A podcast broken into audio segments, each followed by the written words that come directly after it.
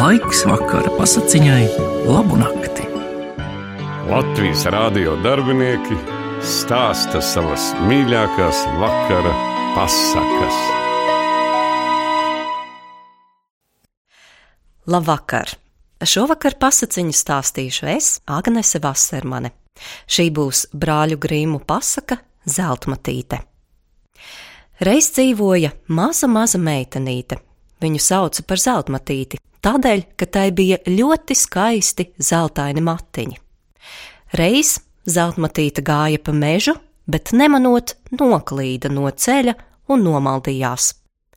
Ilgi viņa maldījās, meklēdama ceļu uz mājām, bet neatrada. Piepeši viņa ieraudzīja meža vidū savādu mazu namiņu. Skatās, durvis vaļā, bet namiņā neviena nav. Viņa iegāja iekšā, bet tai namiņā dzīvoja trīs lāči. Pirmais lācis - tēvs, viņu sauca par Miķeli. Viņš bija liels un pinkains. Otrs bija lāču māte. Viņa bija drusku mazāka par veco lāci, bet trešais bija mazs lācēns Miķelītis. Lāču pašlaik nebija mājās, viņi bija aizgājuši uz mežu pastaigāties. Namiņā bija divas istabas - viena ēdamistaba, otra guļamistaba. Meitenīte iegāja ēdamistabā un ieraudzīja uz galda trīs traukus ar ēdienu. No pirmā trauka ēda pats lāču papus, otrs trauks, drusku mazāks, bija lāču mātes trauks, bet vismazākais zilais trauciņš bija miķelīša. Pie katra trauka atradās arī karote - liela, vidēja un maziņa. Meitenīte paņēma pašu lielāko karoti un sāka ēst no vislielākā trauka. Tad viņa paņēma vidējo karoti un ēda no vidējā trauka bet tad paņēma mazo karotīti un ēda no vismazākā trauciņa, un miķelīša ēdiens viņai likās vislabākais. Meitene gribēja arī apsēsties, un ieraudzīja pie galda trīs krēslus - vienu lielu, lāču papus krēslu, otru mazāku, lāču mātes krēslu, bet trešo mazu ar zilu spilventiņu, un tas bija miķelīša krēsls. Viņa uzrāpās uz lielā krēsla un nokrita atpakaļ zemē. Tad nosēdās uz vidējā krēsla. Uz tā bija kaut kā neērti sēdēt, un beidzot viņa nosēdās uz mazā krēsliņa un iesmējās.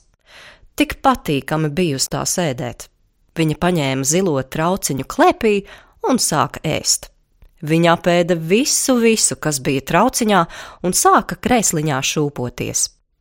Piepeši, krēsliņš salūza, un zeltmatīte nokrita uz grīdas. Tad viņa uzcēlās un iegāja otrā istabā. Tur stāvēja trīs gultas, viena liela, otra vidēja, bet trešā pavisam maziņa.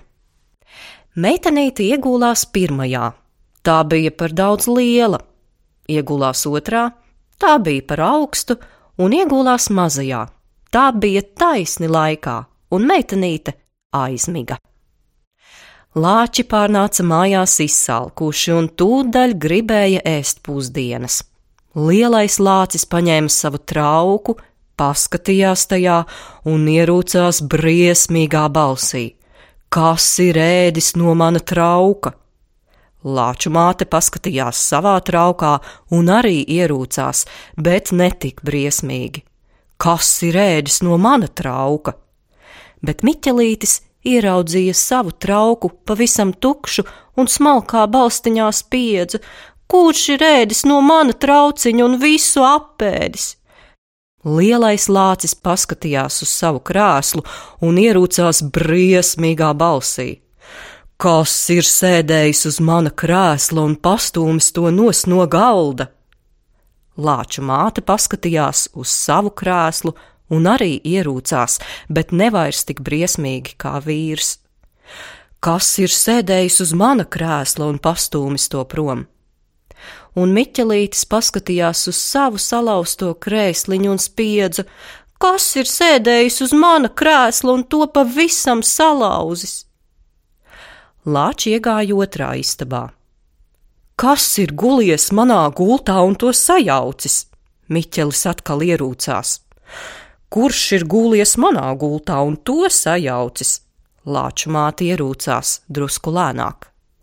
Bet Miķelītis paņēma soliņu, pakāpās pie savas gultiņas un spiedza: Kurš ir gulies manā gultiņā un to pavisam sajaucis? Piepeši viņš pamanīja meitenīti un sāka spiegt tā, it kā viņu kāds beigtu pavisam nost. Te viņa ir, ķeriet, ķeriet, ai, ai, ķeriet, ķeriet! Un palēcies viņš jau taisījās meitenei iekost, bet tai pašā acu mirklī zeltmatīte pamodās. Ieraudzījusi lāčus, viņa briesmīgi nobijās un metās bēgt. Loks bija vaļā, un viņa izlēca pa logu. Lāči rūgdami metās viņai pakaļ, bet velti. Meitene jau bija gabalā, un lāči to vairs nevarēja panākt.